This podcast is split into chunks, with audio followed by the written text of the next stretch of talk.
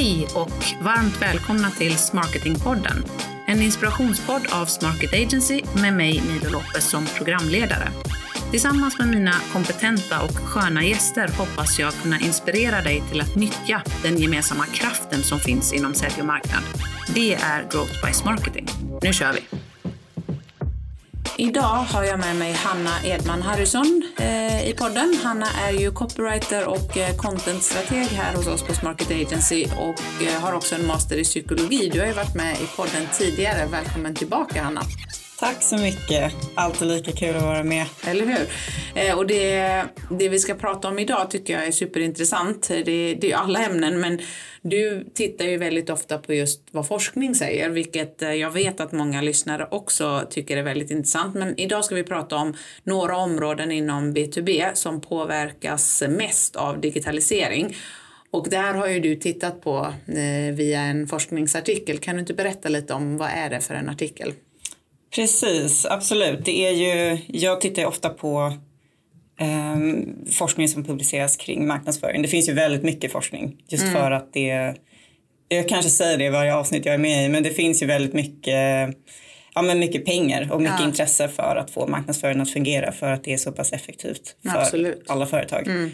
Uh, och det här, eh, den här forskningsartikeln som jag kollat på den här gången det är någonting som kallas för ett conceptual paper. Mm. Och det är ju inte nödvändigtvis en forskningsartikel på så sätt att de har gjort en egen studie så, utan det är mer eh, som en forskningsversion av en krönika kan man säga. Mm. Att de sammanfattar all den existerande forskningen som finns kring ett visst ämne. Mm. Men, sen, men att den, den är till för att skapa debatt, skapa idé, eh, presentera innovativa idéer. Okay. Mm. Eh, så att de har, de har tagit upp, den här, de har faktiskt tagit upp sju stycken viktiga områden inom mm. B2B. Eh, men jag har valt ut eh, tre stycken som är mer kopplade till eh, marknadsföring då. Okej. Okay. Ja, men det, det låter ju väldigt intressant för just digitalisering. Det är ju, det, det, låter, det är ju lite uttjatat egentligen. Alltså vi har ju pratat om digitalisering i ganska många år. Men just när det gäller sälj och marknad och B2B så så har det ju hänt extremt mycket bara de senaste åren och även om den här, jag brukar prata om transformationen inom sälj och marknad, att vi går från väldigt traditionellt sätt att sälja och marknadsföra eller har gått från det till att verkligen jobba i många olika digitala kanaler och det vi ser är ju att pandemin verkligen gav den digitaliseringen en skjuts. Vi blev ju mer eller mindre tvingade att eh, börja anamma metoder som self-service på våra sajter, att, att använda massa olika digitala plattformar för att faktiskt finnas där kunderna finns när inte fysiska möten var eh, ja, men så, så lätta att få till. Och jag vet inte hur du uppfattar det och hur, vad forskningen säger kring det, men jag tror faktiskt inte att vi kommer gå tillbaks till att bara köra fysiska. Även om jag personligen tycker om det fysiska kundmötet så tror jag ändå att digitaliseringen kommer att påverka oss mer och mer framåt också. Definitivt, ja det är ju det tror jag också. Och det är ju inte, även om vi har pratat om digitalisering väldigt mycket och länge ehm, så är det ju koncepten kommer ju alltid stämma. Mm. De här stora koncepten kring att uh, vi gör saker på ett annat sätt mm. etc. etc. Sen just just sätten och systemen och mm. de digitala verktygen som dyker upp, de kommer ju alltid skifta. Men ja. konceptet att du måste vara agil och du måste vara skalbar och du måste hänga Exakt. med. Den kommer alltid stämma. Sen mm. sätten du gör det på, det, det kommer ju skifta. Det kommer absolut, det, det tror jag också för att man säger att digitalisering i grunden handlar det om att effektivisera och göra saker på ett eh, bättre, mer produktivt, mer effektivt sätt. Eh, om det då handlar om att bara, om man säger digitalisera eller digitalisera för att kunna automatisera delar av jobbet, det, det kommer ju skifta som du säger och metoderna och verktygen för det kommer skifta men vi kommer ju alltid vilja effektivisera vårt sätt att sälja och marknadsföra. Ja, det kommer vi, 100 procent. Mm. Men jag tänker vi tar och dyker in. Du sa att det är tre ämnen som du har valt ut eh, där vi ser att B2B faktiskt påverkas eh, av eh, digitalisering. Så ska vi bara dyka rätt in i första. Vad är första området?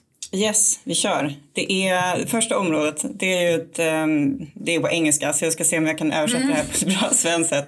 Men det är ett uh, koncept som heter competition mm. som är cooperation och competition i samma. Mm. Och eh, hur ska vi säga det på svenska? Samarbete och konkurrens. Samurans. Eller något.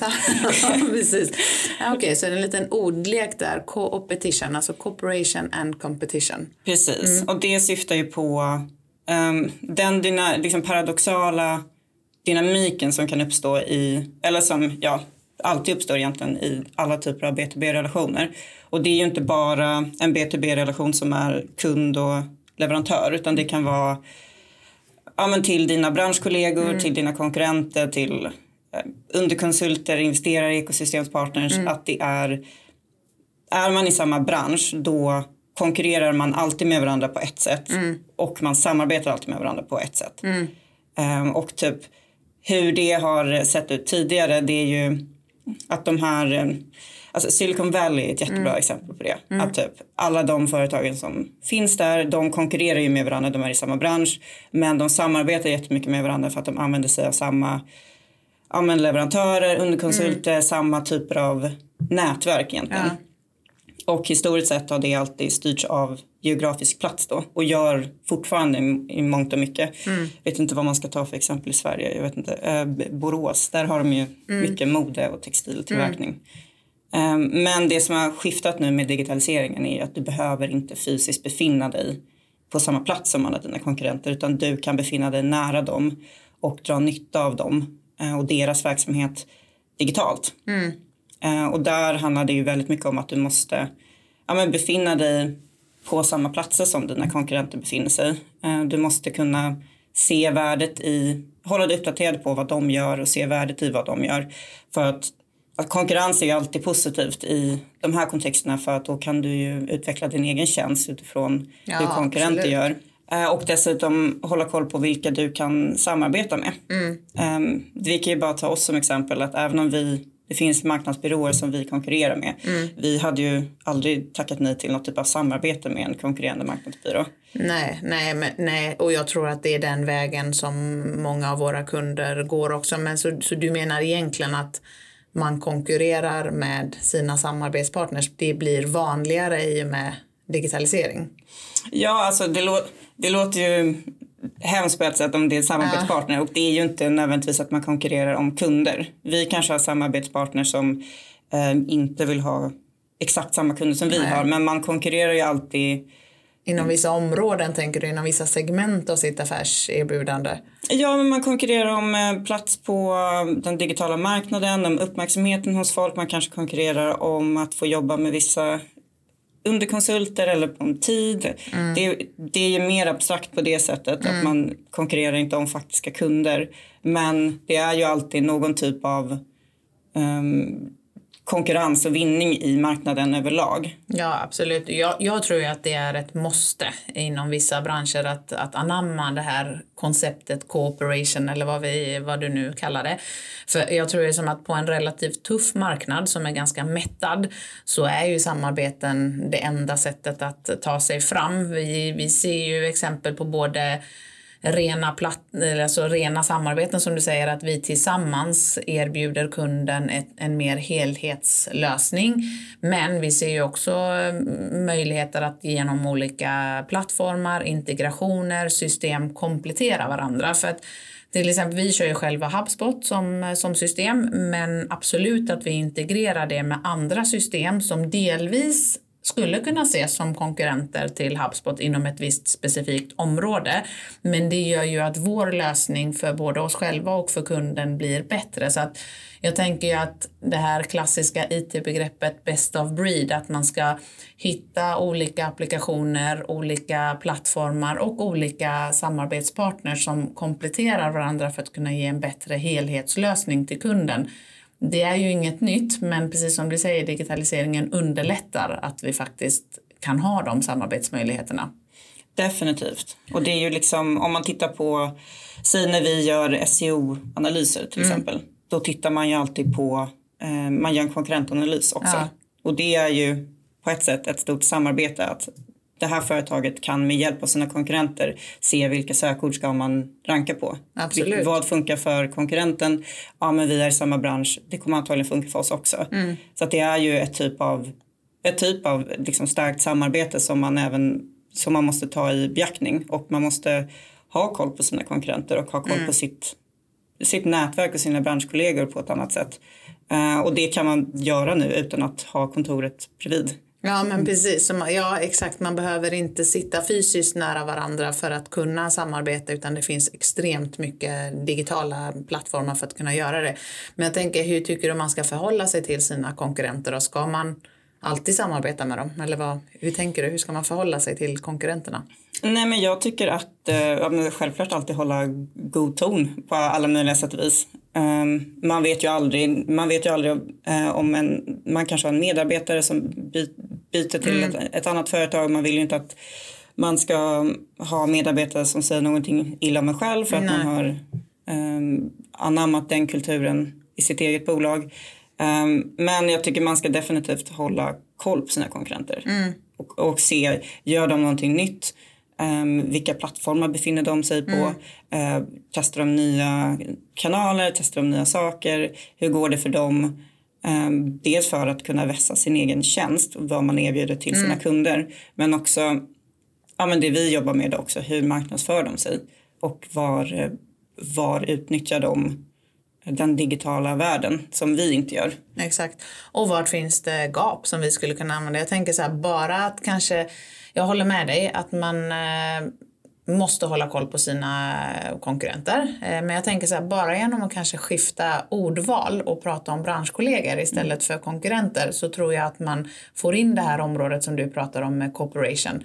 För competition är en sak, Eh, att kunna samarbeta är en annan sak, bara byta ord till att vi är faktiskt branschkollegor, vi verkar inom samma bransch, vi vill samma sak, vi vill hjälpa kunderna att eh, för vår del öka lönsamheten med hjälp av marknadsföring till exempel.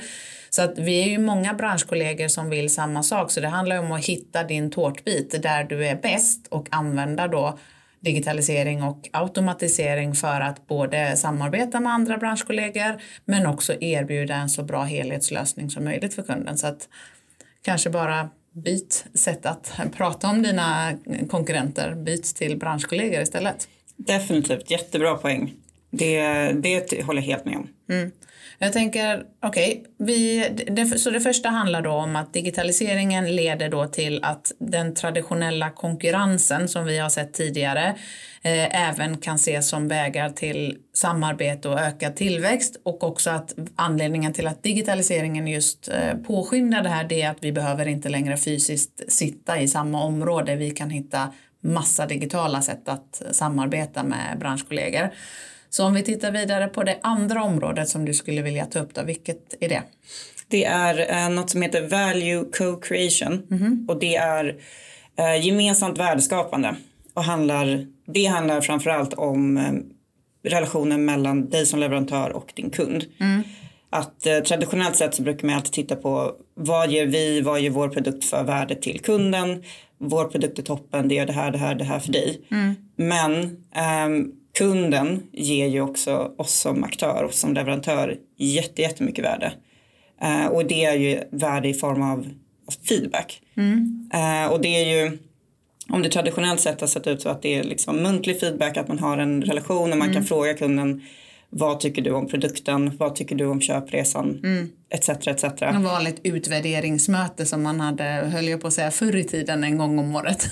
ja, precis. Ett exakt sånt. Mm. Uh, vilket de är fortfarande jätteviktiga att ha såklart. Ja. Uh, men, eller att man kollar på liksom såld eller inte såld produkt. Det är Just också det. en utvärdering. Mm. Um, nu för tiden så kan du ju få du får ju samma typ av värde av kunderna nu men du kan få in den med datainsamling på ett helt annat sätt. Mm. Och du får mycket mer exakt och du får mycket mer eh, specifik och detaljerad information av dina kunder med hjälp av till exempel eh, ja, men, att se vilka marknadsmaterial de interagerar med. Mm. Eh, vad är det de skriver upp sig på? Är det bounce rate på din hemsida? Är det, vad klickar de på? Hur mycket engagemang får du? Mm. Det finns ju andra program, typ Hotjar. Man kan se mm. exakt var musen på din hemsida eh, hur kundernas, hur den rör sig. Ja, ja, gud ja, det finns så mycket mer eh, och också jag tänker AI-lösningar som ser exakt hur ögat rör sig. Vad, så att, jag förstår, så det är ett, gemen, alltså ett sätt, value co-creation handlar om, förstår jag det på dig då, att det är inte bara, vårt värdebudskap handlar inte bara om vad vi erbjuder för värde till kunden eh, i form av, ja, men till exempel Volvo säljer inte bilar, de säljer säkerhet, det är deras värdebudskap. Men det gemensamma värdebudskapet är också hur mycket får vi tillbaks av våra kunder i form av data och eh, olika, olika sätt att mäta kundnöjdheten för att vi ska kunna ändra vårt värdebudskap baserat på faktisk data och insikter vi får. Är det det som är Ja, precis. Kanske inte nödvändigtvis att man ändrar just värdebudskapet, men du kanske ändrar ditt sätt att arbeta på. Mm. Eller du kanske hittar ett sätt att göra din produkt bättre. Mm. Eller kanske hittar ett helt nytt segment du ska vända dig mot. Um, eller att um, just det vi pratar om, att marknadsinsatser. Mm. Det är ju en jättebra sak att se var når man kunderna? Ja. Var hittar man dem? Eh, hur ska vi göra nästa inbound-kampanj ännu det. bättre? Mm, mm. Det, är ju, det är ju egentligen grunden som vi jobbar på. Vi sitter och kollar på siffror och data. Ja, absolut. Och då, då kommer ju den här klassiska frågan, vad händer med tillit och integritet då när man samlar in så här mycket data om sina kunder? Ja, den, den är ju svår såklart. Ja. Um, men det är ju det är nästan en moralfråga, vad ska man ja. göra av den? Men det är ju um, framförallt så ger, ger ju kunderna, det är, ingen, det är ingen data som du tar utan att de har gett uh, tillåtelse till det. Nej. Um, och det finns det ju väldigt mycket lagar och ja. sätt som sätter upp. Ja, ja, det finns det ju såklart. Men jag tänker precis som du säger, det är, den moraliska aspekten i det, den tror jag är jätteviktig. Men också kanske fundera på vad är syftet med eh, datainsamlingen och inte bara för att man ska vara GDPR compliant utan mer vad är det för, om, om vi vill förbättra vårt eh, erbjudande till kunden så är det i grunden ett bra syfte. Men det handlar ju om att faktiskt använda det på det sättet och inte bara använda det för att eh, konstant sälja. Precis, och det kan ju vara till exempel om man sätter upp ett formulär på en sajt, mm. säg att man ska ha ett webbinar, då brukar man ju vilja få in någons eh, arbetsmailadress och mm. eh, möjligtvis företaget eller vilken roll de har. Men då kanske det inte är om man tittar på syftet då, då kanske det inte är helt relevant att du ska samla in vilken stad du bor i Nej. eller någonting annat. Nej. Att det, det är någonting man ofta glömmer för att man gärna vill ha så mycket information som möjligt mm. av liksom sina potentiella kunder. Men att verkligen se vad är syftet, vad ska jag använda det här mm. till och också ha lite koll på hur mycket kanske man eh, begär att de ska lämna ifrån sig. Ja, exakt. Ja, ja, gud ja. Men vad tänker du där, ska man inte be om muntlig feedback längre? Ska man köra allting digitalt nu då? Jag tycker att man ska ha en kombo av det, mm. definitivt. Men dels för att även om vi pratar om mycket digitalisering nu, det kommer ju aldrig den här fysiska relationen kommer ju, eller fysiska, men den, eh, den här, vad heter, ja men den, ja men den fysiska ja, relationen, den mänskliga, den mänskliga relationen, relationen ja. kommer ju aldrig försvinna och liksom tacka gudarna för det. För att den är ja. trevlig att få. Men uh, det viktigaste är ju att du kan ha en kom kombination av det hela. Mm. Dels är det relationsbyggande, att du kan sitta och titta någon i ögonen och säga uh, vad tyckte du var bra, vad tyckte mm. du inte var bra. Uh, men att också ha det digitala för att man kommer ju inte ihåg. Har man Nej. gjort en, säg att vi har haft en tre månaders kampanj med en kund, då kommer inte den kunden komma ihåg exakt Nej. vad vi gjorde vecka tre. Nej, Nej men det, det håller jag med om. Men jag tänker att om jag ska summera det här andra området som du har pratat om då med co eh, eller value co-creation så handlar det ju om att det är klart att du ska nyttja den, de insikter och den datan som du får ifrån dina kunder för att kunna skapa ännu mer värde för, för kunderna framåt och där har ju digitaliseringen gett oss en skjuts. Men att man faktiskt pratar med sina kunder också. Jag tror ju på när det gäller just feedback och datainsamling så tror jag på den löpande dialogen mycket, mycket mer än att skicka ut ett trött NPS-formulär eller någon, någon enkät en gång per år. Vi själva har ju jobbat mycket med, eller har precis börjat jobba med det som är ja, lite mer att jobba med reflektion i projekten. Vi använder ju en, en plattform för det. Men det handlar ju egentligen inte om plattformen. Så, så det är klart att det finns digitala verktyg att använda här. Men jag tror att det handlar om att få in det i det löpande, att veta att genom den data du samlar in från dina kunder kan du skapa mer värde. Och du kan få bättre leverans och därmed också nöjdare kunder i förlängningen. Så att jag tror på den löpande dialogen och att hela tiden ha reflektion som en del i ert DNA när ni levererar produkter och tjänster till kunder. Så, så tror jag verkligen den här value co-creation mer eller mindre kommer av sig själv. Ja, men definitivt. Men också att eh, komma ihåg att värdet du får av dina kunder det är inte bara att de köper din tjänst. Nej. Utan det finns extremt mycket mer värde som de ger dig om du låter dem. Liksom. Exakt, om du tittar på insikterna som du får från kunderna, ja, den är mm. superrelevant så värdet är inte bara pengarna på banken, det är också möjligheten till att skapa mer värde till både dem och till nya kunder. 100 procent. Mm. Det, är lätt, det är lätt att glömma det, speciellt om man är i en eh, väldigt säljtät period. Just det. Och det, man måste verkligen komma ihåg det, att det finns, det finns väldigt mycket värde att hämta från mm. sina kunder. Ja, och eh, tidigare och potentiella. Exakt. Mm. Och de som inte blev kunder, de är ju nästan mest värda att hämta därifrån. Ja, verkligen. Gud ja. Så det här Ytterligare ett ställe då skulle jag vilja lägga till där digitalisering påverkar eh, sälj och marknad det är ju möjligheten att faktiskt analysera varför man vann vissa kunder och varför man förlorade andra kunder. Men det bygger ju på att du faktiskt har matat in data i en plattform. Mm, definitivt. Okej, okay, vi tar eh, in, eh, oss in på det tredje området då.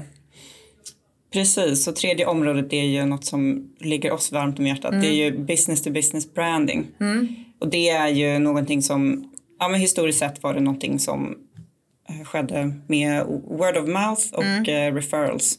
Alltså att du fick, det var ditt direkta nätverk som ger uh, rekommendationer mm. om din tjänst, din produkt till andra personer i deras direkta närhet. Just det. Och den är idag fortfarande jätteviktig såklart. Mm. Men referrals och rekommendationer, de har ett tak. Okay. Det finns inte det finns inte hur många potentiella kunder som helst som, kan, som du kan få genom dina nuvarande kunder. Okej, okay, så eller, eller vad menar du med att det finns ett tak för rekommendationer? Är det mitt, mitt nätverk som sätter begränsningar menar du då, hur många jag faktiskt har i mitt nätverk? Ja, precis. Att det, det, det går, de, den är fortfarande superviktig, man ska mm. inte underskatta den, men det går långsammare till slut för att nätverket tar slut. Ja, och, men så är det, ju. Eh, det, det håller jag med om och det, det är ju därför vi börjar titta på eh, amen, olika digitala kanaler, olika sätt att nå ut till potentiella kunder för att, och, och kanske också det här med att eh, employer advocacy, man säger att, att till exempel på LinkedIn så tar ju mitt personliga nätverk slut men då kanske ditt mm. nätverk tar vid istället om vi kan amplifiera nätverken genom att slå ihop dem. Okej. Okay. Mm. Definitivt. Och det är ju verkligen understrykas att det, nätverket och direkta nätverket är fortfarande väldigt viktigt. Mm. Men att det är viktigt att eh, kunna bygga sitt varumärke på fler sätt än just genom en och en personkontakt på det mm. sättet. Eh, och det handlar ju om att eh, en branding ett varumärke är väldigt viktigt att du signalerar exakt samma varumärke mm. till alla aktörer som kommer i kontakt med dig. Och det är ju för att som företag riktar man sig till olika segment. Det är ju dels ditt employer brand, hur du riktar dig till potentiella medarbetare. Mm. Dels ditt eh, alltså employer brand till dina nuvarande medarbetare. Mm. Det är varumärket du riktar mot potentiella investerare kanske. Just det. Eh, och eh, sen mot potentiella kunder såklart. Mm. Och man kanske vill kommunicera olika saker till alla de här grupperna. Men de måste ha, liksom, de måste ha en röd tråd för att den ska vara effektiv. Det, man, I employer brand kanske man trycker lite mer på att vi är ett skönt gäng som jobbar här. Mm. Men den punkten är också viktig att trycka på till kunder till exempel och till investerare. Du kan ju inte ha helt vitt skilda bilder av hur ditt företag ser ut. Nej, så du menar att man, man inte ska vara lite olika, eller man kan vara lite olika men inte för olika i sitt varumärkesbyggande?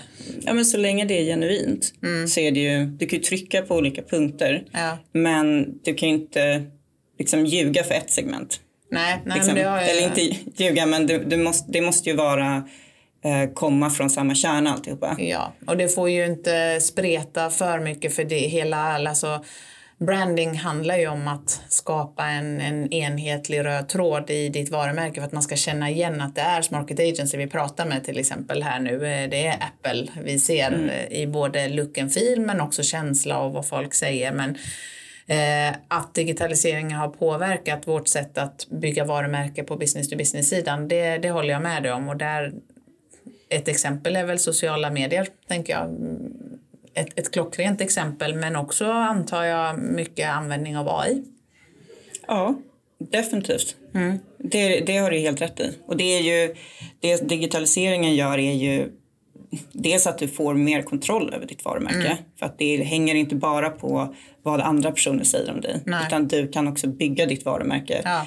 på sociala medier, på din hemsida, i digitala kanaler på ett annat sätt. Mm. Sen så gäller det ju också såklart att det folk säger om dig, alltså att det stämmer varumärket du pushar ut. Absolut, och, och där vet jag att just när det gäller digitalisering och digitala plattformar så finns det ju extremt många sätt, eh, eller extremt många verktyg som man skulle kunna använda och för att inte man ska bara gå vilse i systemfloran och bara addera system så får man ju fundera på vad är det viktigaste utifrån ett eh, brandingperspektiv för mig att ta reda på. För jag vet ju till exempel det finns eh, plattformar där man tar reda på ja, men vad som sägs om ditt varumärke. Till exempel vi, vi jobbar ju med en podd.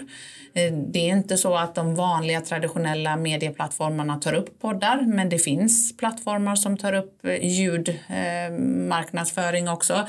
Jag tänker det finns plattformar där man kan hålla koll på och titta på hur dina ambassadörer jobbar med ditt varumärke. Så att det handlar väl om att att, att digitaliseringen påverkar vårt varumärke, ja. Att det, att det påverkar B2B-företagens sätt att jobba med varumärke, absolut. Och så finns det massa verktyg man skulle kunna använda men där är det ju viktigt att bestämma sig för, tänker jag, vad vill jag mäta och för vilka målgrupper? För som du var inne på, det är klart att vi kommer att vilja både prata på lite olika sätt till olika målgrupper men också mäta olika saker när det gäller vårt varumärke. Ja, 100 procent. Ja, men okej, jag tänker jag summerar de tre områdena som du har varit inne på. Alltså områden som du har sett då i den här eh, forsk forskningsartikeln att eh, B2B påverkas av digitalisering var ju då competition, det vill säga den här relationsdynamiken mellan att, att se sina konkurrenter eller bransch, branschkollegor som samarbetspartners också. Eh, vad sa vi andra? Value co-creation. Ja. Som mer handlar om att, att inse vilket värde som kunderna faktiskt kan ge, ge oss. Ja, ja, ge oss i form av insikter och data. Mm. Och den sista då hur vi eh, jobbar med varumärkesbyggande som B2B mm. ja. och, och, hur vi nyttjar digitaliseringen för det. Mm. Superintressanta områden. Skulle du säga vilken är viktigast av de här då, om vi tar din, din diamant för det här avsnittet? Vilket, vilken av de här tre är viktigast? De är ju, det är svårt att välja för att alla, jag tycker alla verkligen har någonting. Politikersvar. Ja precis, politikersvar. Nej, men, vi tar, jag tycker definitivt att value co-creation mm. är viktigast. Mm. Uh, och jag tror att uh, många företag som inte jobbar med datainsamling och kanske börjar göra det, mm. att uh, man ofta får de en, blir de förvånade mm. över vad det var som fungerade och vad, vad som inte fungerade. Mm. För att man vet man inte vet man inte exakt vart man ska och eh, hur man ska göra det mm. så är det som man skjuter ju bara ut i luften då och hoppas att någonting ska fastna. Absolut. Nej, jag, jag eh, håller med dig. Jag skulle också välja value co-creation av de tre. Av den enkla anledningen som du summerade det väldigt snyggt när du sa att värdet av en kund är faktiskt inte bara det de betalar för er produkt och er tjänst. Det är faktiskt också det adderade värdet de ger i form av insikter för att kunna bygga nya eh, tjänster, modeller med utökat värde. Så att jag tänker att den är absolut min eh, favorit här också, även om jag håller med om att alla tre är superviktiga mm. och väldigt intressanta att jobba vidare med. Mm. Mm. Grymt! Tack för eh, superintressant eh, artikel och diskussion kring det. Jag tänker att du ska få tre snabba nu ändå. Du har ju varit med så det är lite svårt att hitta nya tre snabba till dig. Mm. Men är du redo? Jag är superredo. Mm, ja, bra. Hanna, Plugga heltid eller jobba heltid? jobba heltid, alla dagar i veckan. alla dagar i veckan. Han har ju precis tagit sin master i psykologi och är väl ganska nöjd över att inte plugga heltid längre. Ja, framförallt att inte jobba och plugga heltid ja, men precis. Okay. Nästa då, Hanna. Golf eller löpning? ja, den var, den var svår. Ja. Um, gud, den var jättesvår. Nej, men jag tar... Um, Jag tar löpning för min hälsas skull. För din hälsas skull? Ja. ja. men inte för sambo och pappa då. De kommer ju inte tycka om det här svaret. Precis, okay. det var det jag tänkte. Ja. Golfen skulle vara för förhållandet. Löpningen skulle vara för hälsan. Okej. Okay. Okej, okay, nu ska du få en lite mer öppen fråga då. Vad är det bästa du vet med hösten? Att jag eh, fyller år på hösten. Ja, det är bra. Mm. Det är en jättebra fråga. Alltid har man eh, någonting att fira men extra mycket när du fyller år då. Mm, definitivt. Mm. Grymt. Tack för att du var med i avsnittet och eh, stort tack till dig som lyssnade på dagens avsnitt kring hur digitalisering påverkar eh, sälj och marknad och vilka områden som B2B påverkas mest av. Vill du eh, ha mer tips och råd och insikter kring eh, modern försäljning och marknadsföring in och följ Smarketingpodden där poddar finns. Och skicka gärna lite förslag på ämnen eller gäster till oss på hej smarketagency.se eller i våra olika sociala kanaler. Framförallt då LinkedIn, Facebook, Instagram, numera även TikTok. Mm. Eller hur? Yes. Mm. Tack för att du var med oss idag. Hej då!